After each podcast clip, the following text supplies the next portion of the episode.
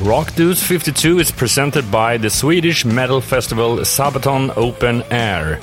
Welcome to Rock Dudes 52 and the first episode of the seventh season of Rock Dudes. And the guest this time is Wolf Hoffmann, the guitarist of the German heavy metal band Accept. Right now, they have released a new album, The Rise of Chaos.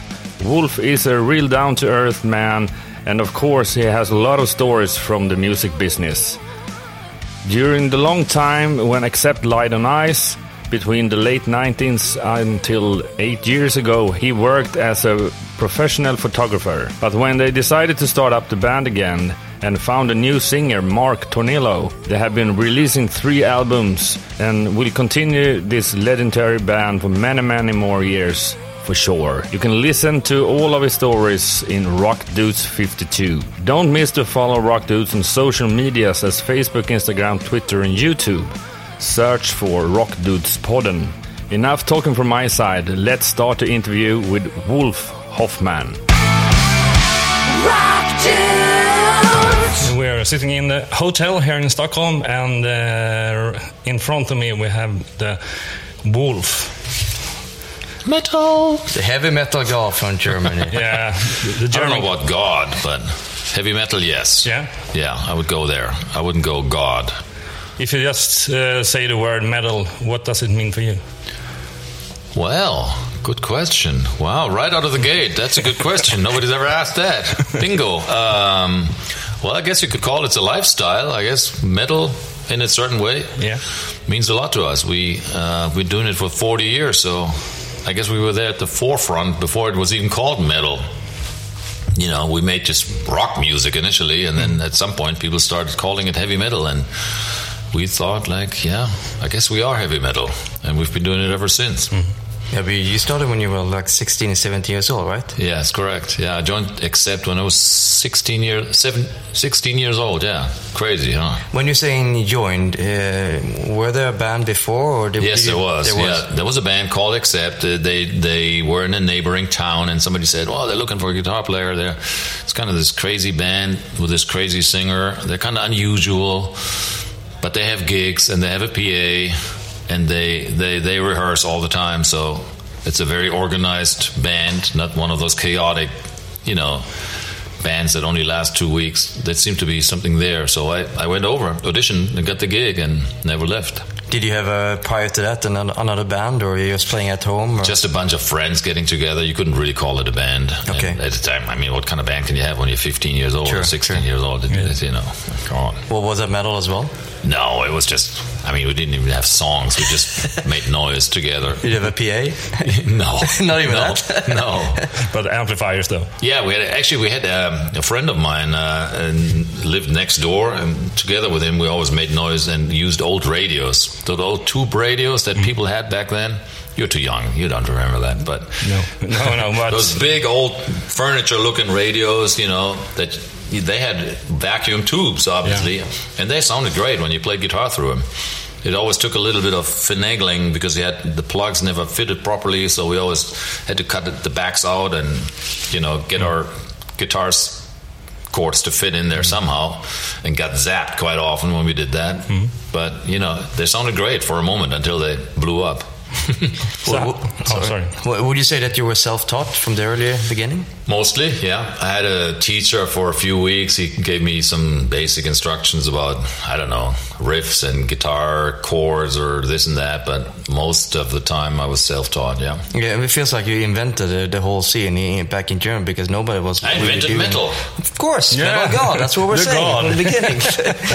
but there was a lot of other bands in Germany that are quite successful. I was thinking about just the other day, Scorpions, Scorpions was always the big one, yeah, yeah, yeah. because they started what? When was it? Sixty-seven, something like that. Uh, even earlier, I Even think. earlier, maybe yeah. even in the uh, very early 70s, probably. I don't even know the exact date, but they were always around. And When I grew up, there was always the Scorpions, and they, you know, they even went to the United States very early on, and we, we always thought of them as a huge band. Yeah, sure. So would you say that there would be uh, was an influence for you back in the old days? Well, Perhaps? they were to a certain degree, but um, then there was Deep Purple was the big one. Ritchie Blackmore is an amazing guitar player for me, and I always admired him a lot. Then there was uh, um, Judas Priest, ACDC. ACDC came to the picture a little later in the game, but they definitely were a huge influence also. Maybe uh, those were the main three ones. But I also listened to, I don't know, Status Quo and Queen and um, Uriah Heep. So not not really that much of a German musician, and more like No, outside. nobody, nobody. It was in Germany that we liked. Uh, all the bands that we, we admired and listened to, they came from the UK Yeah. uh, in those days. Really, all British bands, and it wasn't until maybe Van Halen that there was any American bands that we really liked. So how was it to start in a metal band in the middle of the 70s? Uh, you were very young. so- Yeah, yeah, yeah. I mean, we had very early on. We started working on our own songs. You know, we never wanted to be a cover band, so we never bothered to learn cover tunes because we always wanted to be our own. You know, and then um, we took part in the Battle of the Band contest, um, and that in turn. Even though we didn't win that contest, it learned it, it turned to our first record contract when, mm-hmm. and I was only 18 years old. We made a record out of the Crazy. songs that e- existed back then, you know, like that had accumulated. Mm-hmm. So that was the first album with that chainsaw lady mm. that really it was released in '79. Mm-hmm. Well, would you say that's a big milestone in your career, getting that first record deal or album? It get- seemed to be. I mean, but looking back, it didn't do anything. It was just a stepping stone in the in the long chain of events, and which led to a second album, and eventually to a third album. And by the fourth album, maybe somewhere along those lines, we found somewhat of a style, I guess. You know. Imagine that. I mean, what would happen if you didn't audition for that particular band? Accept, would you think your path would be totally different? Would you still be into music, playing metal? Good or- question. Um, probably would be, you know. And who knows? I might might be in a real band. No, but seeing that you have other passions as well outside the music, like we were no, talking I'd about. probably be. I mean, I definitely would have ended up being a musician, but nobody can say what would happen, what what type of form or band I would have ended up in. But I probably would tried it just as hard. Yeah, Impressive. yeah. Um, as I said, uh, it it went on and on during the beginning of the 80s. You uh, created a lot of records. Uh, for Yeah, in those days, you made a record a year. Yeah. I mean, just it was something that just sort of happened. Yeah, yeah. it was normal. Now, what about the touring? Did you tour a lot as well? No, I mean our first tours. We couldn't even call tours; they were just individual gigs, and we started to. First country outside of Germany that we went to was Holland. We actually went quite a bit to Holland just because it's right down the street, basically, from where we grew up or where we lived. And um, later on, it was maybe France. And the first real tour that I would call a tour tour was with Judas Priest in '81, I believe point of entry. And uh, there, for the first time, we saw how a real band works. And oh my God, they were huge. Um, and that influenced us a lot. And, and we were like little kids on a on a you know grown man's tour back in those days. But you know that was the first tour where we stayed away from home for three or four weeks or maybe five weeks. I don't know how long that tour was, but I mean, uh, the parents, though. I mean, what was their? Um, what do you think about them saying afterwards? Like, yeah, I'm leaving home, touring for three or four weeks or whatever. Like, Yeah. 18 years. Is that tough on the yeah, parents? Or they, you know, they weren't excited, but they had no choice. I wanted to really do this, and they saw that. Uh, but they've never been on board with my decision to become a musician. They always wanted me to have a real job and, you know, become an engineer or a lawyer or something like that to that effect. Um, that's just a German thing, I guess, and it's my parents sort of the after World War II mentality. You got to make something of yourself, and you have a, a job you can always fall back on. And that was that was the thinking they had. They all they never thought being an artist and it and then a guitar player is a desirable career. Well, they didn't think in those days. You didn't even know that it is a, can be a career because imagine this: when I started, the oldest people out there in the music business were the Stones. Yeah. Mm. And they were not even 30. No, I mean, that's for sure. think about that. Yeah, it's it's a, like a new job on the earth. Yeah, and everybody thought they cannot possibly do this when, when they're when they're 35 or something. No mm. way. It's a young man's game, you know. So nobody had this, you know. Our, people nowadays they they've got old guys like us or the Stones who are like what are they 75 now maybe Yeah, 70 something like that, yeah. You know, so they can see it's possible to live your life and be a rock and roller and, and do this kind of lifestyle and actually have a success or a career. But in those days, everybody thought, well, at one day they surely the Stones have to get a job and you know. Be, Quit this nonsense. but that was uh, literally uh, all the parents and everybody thought that way. So, but I'm guess nowadays it's a bit easier, and they're kind of proud of their son. They Yeah, kind of yeah, it yeah. right. Of course. I mean, it, it changed over the years, but uh, you know, in those days, it was uh, yeah, it wasn't. Didn't get any excited reactions from No. anybody.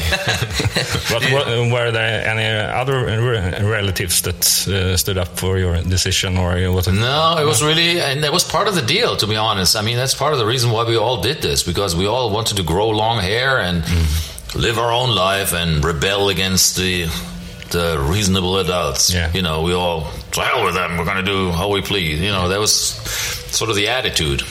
Did the parents help out with their first uh, instruments, though? Guitar, by Of course, they had no choice. Yeah. They had to, to, to a degree at least. But then we did things like summer summer jobs. You know, I remember going uh, working at a factory for weeks just to make enough money to buy a proper guitar. Peter did the same thing. I mean, we all kind of did that. Nobody had enough money to buy what we wanted. You know, it was trading and buying something just barely getting by. So it was always a struggle. Yeah.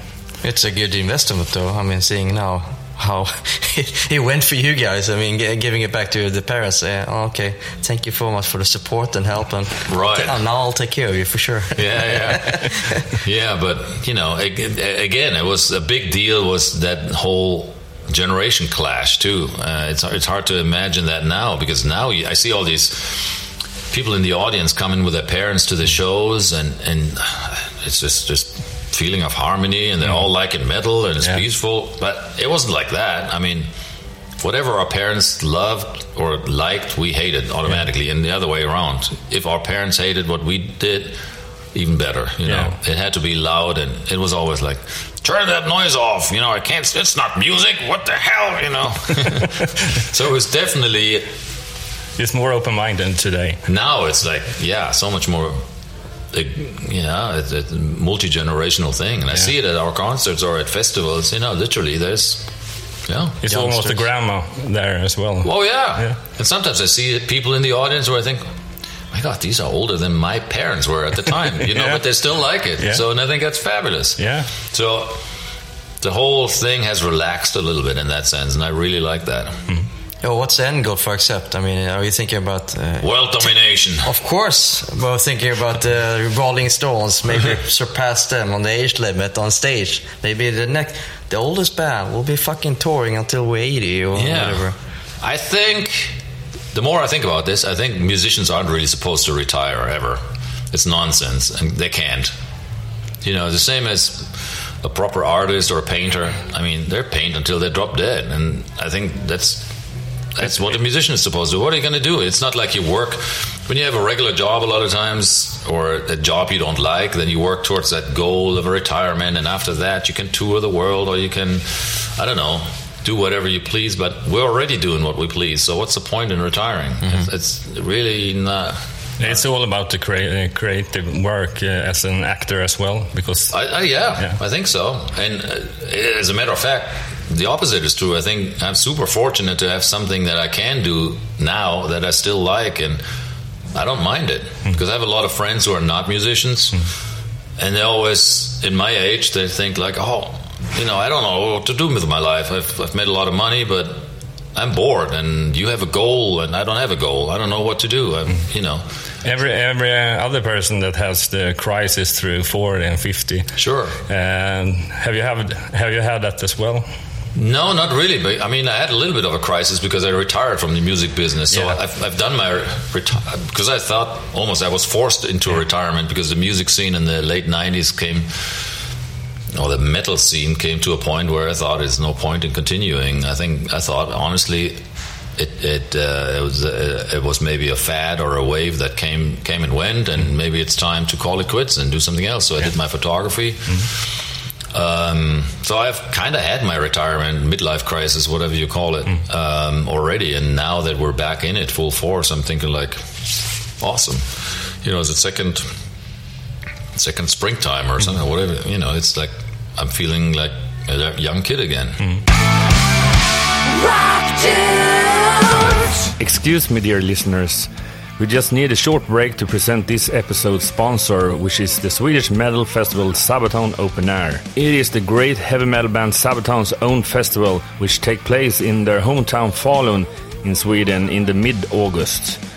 This year will be a 10 years of anniversary, and now it will be a four days event with many great bands. Of course, Sabaton will, as always, do a special show of their own and other bands will be Hammerfall, Pain, Evergrey, Avatar, Corroded, Grimner, Eclipse, and many more acts. You will find all the information at sabaton.net. Thank you for your patience, and now back to the interview. How has that affected you in terms of photography, seeing that that was your full time? Yeah, it was for many years. And now it's different, of course, since you're doing this full time as a musician. Yeah, I kind of had to put the photography aside, which I gladly did. I don't mind that because music means a lot more to me. Mm-hmm. You know, photography was always a great thing. If I can't do music, you know, it was always the love number two. Yeah. Um, and I honestly liked it. I didn't miss playing music or anything. I was quite happy.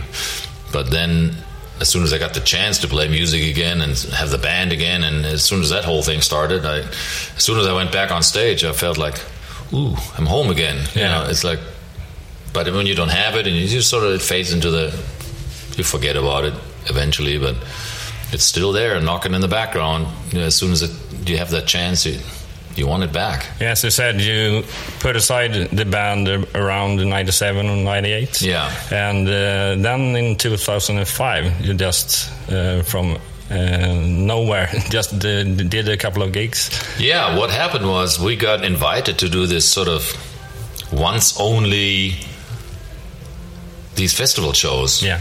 in the old lineup, and uh, we all jumped at it because we thought, "Pff, you know, we don't have to do any, we don't have to do any any new songs, any new records. It's easy. We just learn the old songs, and we should still all play. Yeah.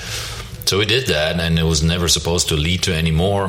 But what happened was that I caught the bug again. You know, Yeah. I thought like, damn, there's all these people still singing our songs, and there's a lot going. There's still a lot of demand, and Yeah. maybe we could, and maybe we should, and so the whole thing started to take hold in my brain, and. I always felt it would be great to just go meet again every two years and go on festival tours, and I suggested that to the guys, but Yeah. Udo wasn't into it because he had his own band and he always turned us down. No, I can't do. I've got my own band. Blah blah blah. And I always regretted that. Then in one day, during a jam session with Peter, just for fun, we found this guy Mark Tornillo out of nowhere. He just walked into our life, having this awesome voice and be able to sing those songs the way he did. We thought like, wait a minute, there's a there's a possibility that we could start accept again. And then uh, we announced it to the world just without thinking further. we just said, "All right, we're coming back." And then we got this shitstorm on the internet saying it's never going to work. You guys, who do you think you are? Without it, it didn't work before. You couldn't, you can't replace lead singers and all that stuff. And But you did. Well, but we did, and it, maybe it made us stronger and try harder. But it worked, you know. So here we are, three, four albums down the road, eight years later, seven years later, it's going better than ever. Yeah. Go figure. Yeah. How, how was Crazy. the how was the initial uh, reaction from Udo seeing that you were getting a new singer? No, was he happy or angry or I don't care, and quite honestly, um, you didn't notice anything? Obviously, you did somehow. Oh, I did, and I, but I'm not going to comment on it because he left the band so many years ago, and Yeah. this is us now, and this is our career. So I don't comment on what he does, and he better not comment on what I do. But he probably still does. That's wise. But regard, regarding that is uh, like an ownership. Uh, who owns the band in that kind of way? Well, I, ne- I never left. I never left the band, so No. I am the band. Yeah. If somebody leaves, then they left, and that's the way I see about any ex-member. Once they step off the boat, they're gone and they're out of my life, and the Jim- boat boat continues without them. And yeah. that's, so it's that's- more or less you and Peter. Yeah, definitely. Yeah. Uh, Because we've been doing this for 40 years together. Yeah. You know, it's literally, literally like a boat. Once you step off, you know, the boat continues, and you you wave goodbye, and Hmm. there you stand on your island, and we sail on.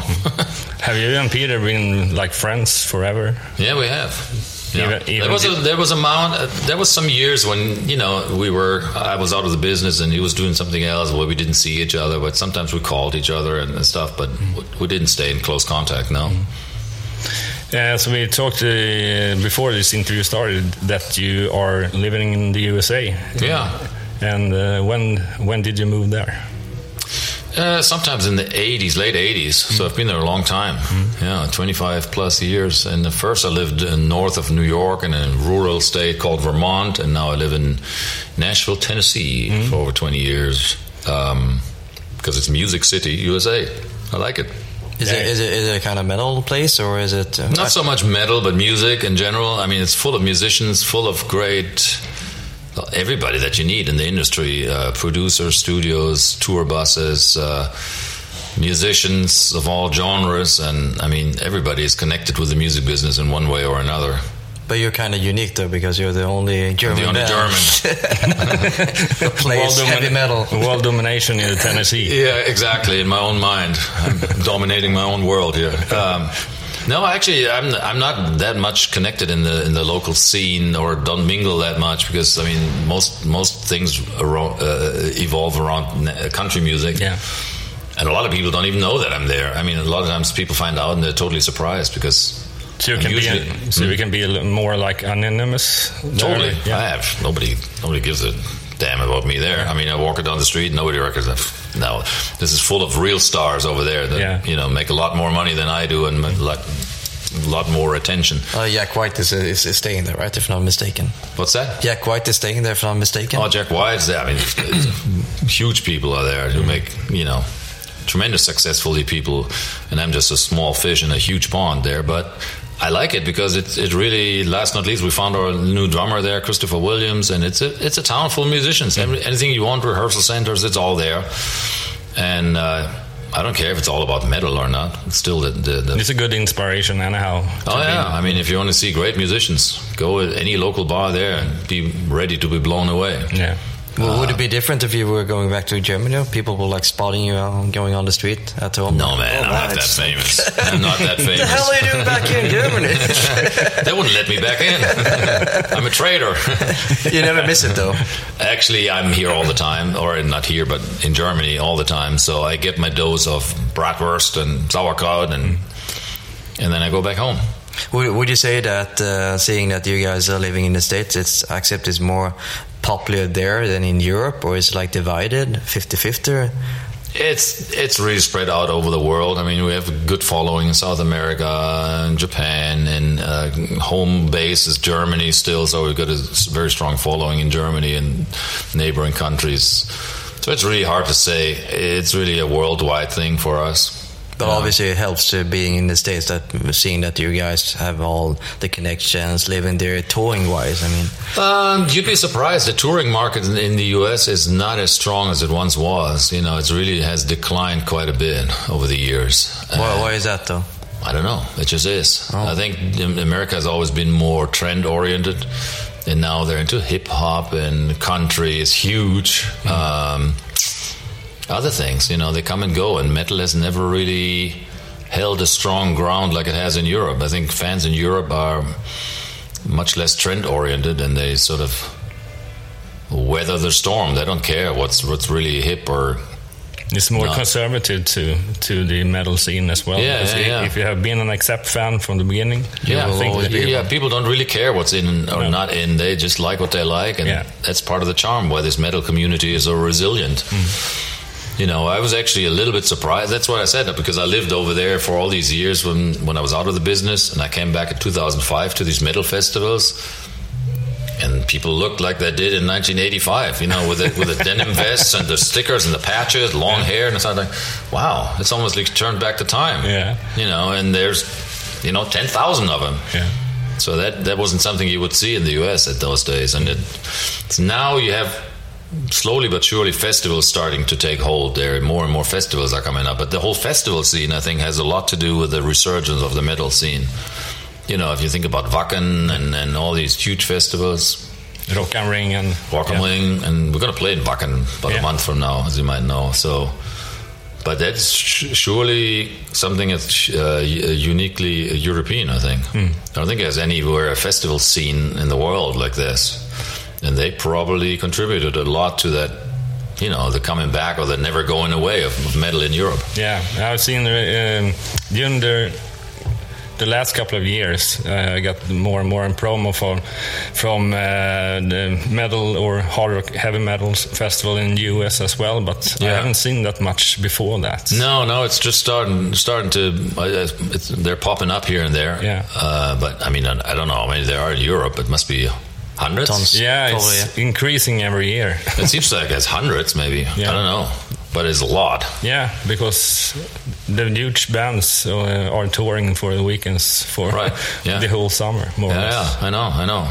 Even more countries are opening up. I noticed that China, India, that has really uh, been tight before, is like opening more to this kind of music, of course. Sure, yeah. So that's a development, even though um, the US has been stagnated, it's opening up. Maybe that has something to do with the internet going on and, and YouTube and all Sure, this phenomenon. sure, sure, Uh, But metal has always been like the, this this middle ground and like just evolving. Right, right, right. And the internet surely helps too. I mean, there's a strong metal community online that connects, and we actually have fans in places where you'd never expect it in Iran and Pakistan and God knows where. They're they're everywhere.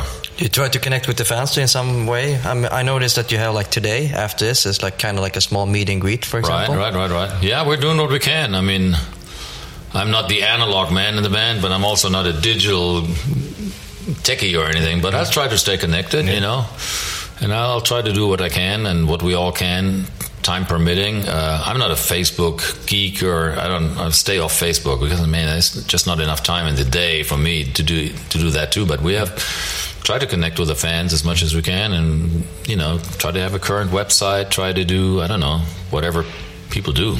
Well, what drives uh, drives you as a band and the rest of the members? Uh, I mean, you're Well, still a- going strong. I mean, what's the future holds for you? Do you have any? We don't have a grand master plan and a PowerPoint presentation world for you. domination, of course. world but I mean- domination is an important factor. Yeah, that, that's always on the agenda. Are there some goals you still want to achieve? I mean, like, Not really. I mean, I think we achieved for what a German band can really achieve in metal. I mean, it's. I think we've come a long way from where we started and, and what what lay ahead back then. I think we've really done just about anything you can do. I mean, the sky is the limit. I mean, it will always be nice to sell more tickets, to sell more, more, more records. I would be lying. Anybody, any, anybody wants that, but I think does it really mean that much more than bigger numbers? Not really. I mean, it'd still be the same thing on a higher level. I think the main motivation is really the love of music and the love of what we do. True. It sounds cheesy, but it's true. yeah, it is. Yeah. I mean, we'd still do this no matter what the level is. I mean, it's it's kind of what we what we love. Yeah, and you have a new record uh, Yeah. being released in August. Yeah. Um, Think about that. Yeah. Brand new record, number four. Number it's the four. Rise of Chaos. Yeah. Yeah. So what's uh, Rising Chaos means? Um, it seemed to be a fitting title, first and foremost, that seems to describe the times a little bit that we live in. I mean, if I watch the news and All hell. Yeah, I mean, if anybody who's watching the news and follows what's going on, it seems to be like a certain amount of chaos in the world, and it Yeah. seems to get more and more. I mean, that's why it appealed to us. So it that's the title of one of the songs, and it seemed to be a worthy album title.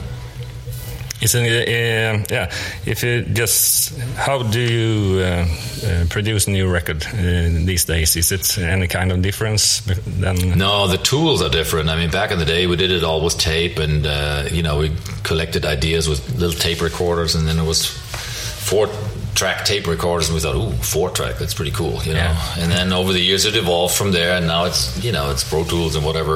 I use Cubase, but it's, Yeah. it's all the same stuff. It's hard disk recording, but really the. Um, the way we come up with the songs is exact, exactly like it was back then. You know, two of us sitting together, exchanging riffs, sweating the ideas out of us, and trying to come up with ideas that feel good and riffs that speak to us. Has Mark bit, uh, been into the process? Yeah, yeah, definitely. He's he's writing the lyrics. You know, Peter and I are usually the first ones to start the process. So once we get the ball rolling and we have a song that we feel is something worthwhile, then we give it to Mark, and he writes the final lyrics. A lot of times we come up with a the chorus idea or the catchphrase. In this case, like for instance, we had this song called "Rise of Chaos," but we had no idea what rise of what chaos. You know, what does it mean? so we give it to Mark, and he can worry about it. Yeah. you know, he can write the lyrics, whatever it means to him. Yeah, you gave him a topic. Yeah, we give him a topic, and uh, sometimes it's a defined topic that actually is quite obvious. Some other times it's more generic, and he can interpret that and and, and get his thinking cap on. Yeah. Would you ever like to go back and seeing that, mm, playing it old school, meaning like like you said, four tapes dot and recording it live? Yeah. that feel to it, you know. Sure. Maybe not necessarily recording a whole new album, but like fuck, let's just record one song for, for the fun sake of it. Yeah, put yeah, it yeah. out. Yeah, we could, and we actually thought about doing it initially when we got back together in 2008 or nine. But then Andy Sneap came along as a producer, Oh yeah. and he's a newer kid, Yeah. a Pro Tools kid, as I call it. And he brought that technology to the table, and he thought, "Yeah, let me try this." And he brought his laptop, and we did, and we did the first demos on there, and it was like, "Whoa, you can do this! Oh, wow, you can Sound do that!" great. And all of a sudden, it was no, no turning back. There was no more talk of digital, uh, of analog after that, because especially in the song creation process, it's so helpful to to work that way, you know, because you don't ever, re- you know, with analog, you have one choice, and if you don't like anything, you got to do it all again.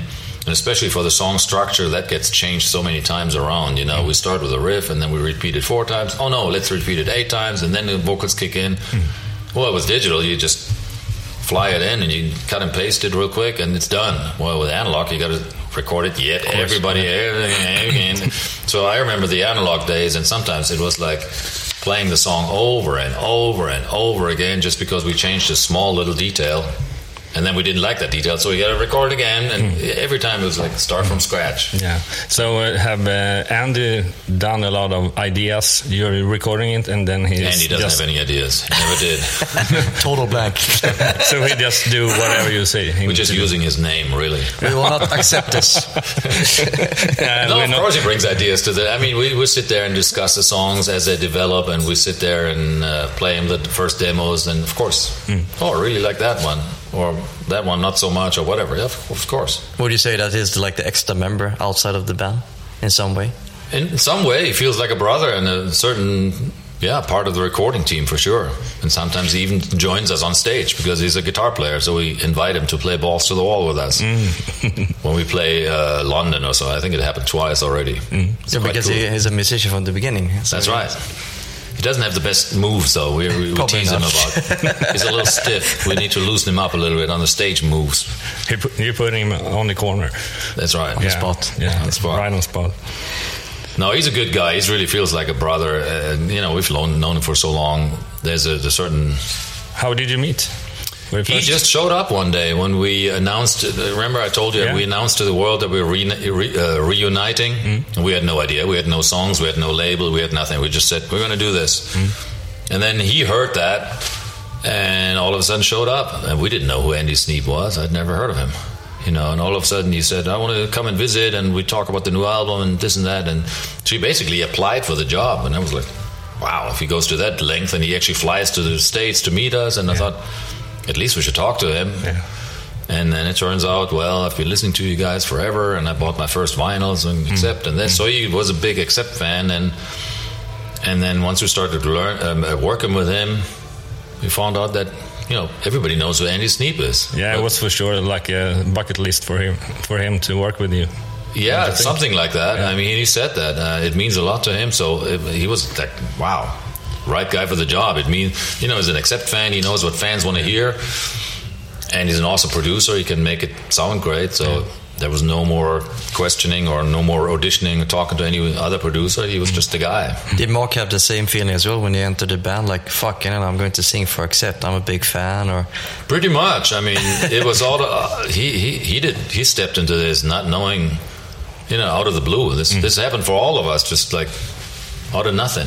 It's, it's crazy. it feels like uh, all the people, the, the communities, like coming together. Like um, the producer, the, the new label. Yeah, yeah, it- have it- you ever turned anybody down in, in all these years? Well, especially the re- revival of the band. I mean, Uh, No names, just maybe. No names, well, maybe, possibly, I don't know, maybe. let me let me give you my, my sausage analogy because that's my new thing now. Being German, I know about sausage. I think working in a band or making a record is a bit like making sausage. Yeah. The less you know about the ingredients, the better. You should just take the sausage as it comes out, and you should eat it and be happy that it tastes good. Yeah. But what all happens behind the scene, what goes on in the kitchen, is really none of your business. So no regrets, just accept. to a certain degree. You That's cool. So that's my sausage theory. That's a good story. That's it. So after you're releasing the album, uh, I uh, assume that you will go on tour again. Yes, sir. We'll go on tour first uh, overseas in Australia, Australia, Japan, and uh, somewhere else, South America, South America. and then we'll come back to Europe next year. Early next year, 2018, we'll do the whole thing in Europe. Yeah. It's a busy year. So for, for sure. Yes, all, sir. the, all the schedule booked for almost the whole the next what? year. The. Well, they're doing it right now. I mean, I'm usually they tell me last. I don't know. this is something management, the bookers, and all Yeah. these guys do. The important people. I all, just, the, all the fun stuff. that's why then then they tell me these are your tour dates. Uh, do you have anything? Other thing, to, uh, great stuff to tell Last us about. wisdom awards. Last wisdom is thanks for doing all this. Mm-hmm. I mean, it's, it's quite fun to be here talking to you guys and to fans in general, or like people who are we're interested in metal in general. I mean, to me, after 40 years, this is quite awesome. Yeah. honestly. Thank you. So, thank, Thank, you, guys. so much, man. Rock Dudes! Thank you for listening to Rock Dudes 52, where our guest Wolf Hoffmann from Accept did tell us about all his experiences and all the stories about touring and more. Don't forget to follow us on our social media network as Facebook, Instagram, YouTube, and Twitter. Search for Rock Dudes Podden. Please write some comments. You will find all the information about the festival at sabaton.net. The jingle was recorded by Jonas Hermansson, Peter Månsson, and Mia Colhart. The interview was recorded and edited by Jonas Love. And the next episode, Rock 53, will be released in two weeks. If you want to know the guests, yeah, you will find out through our social media. Don't miss that. Until then, rock on! Rock Dudes!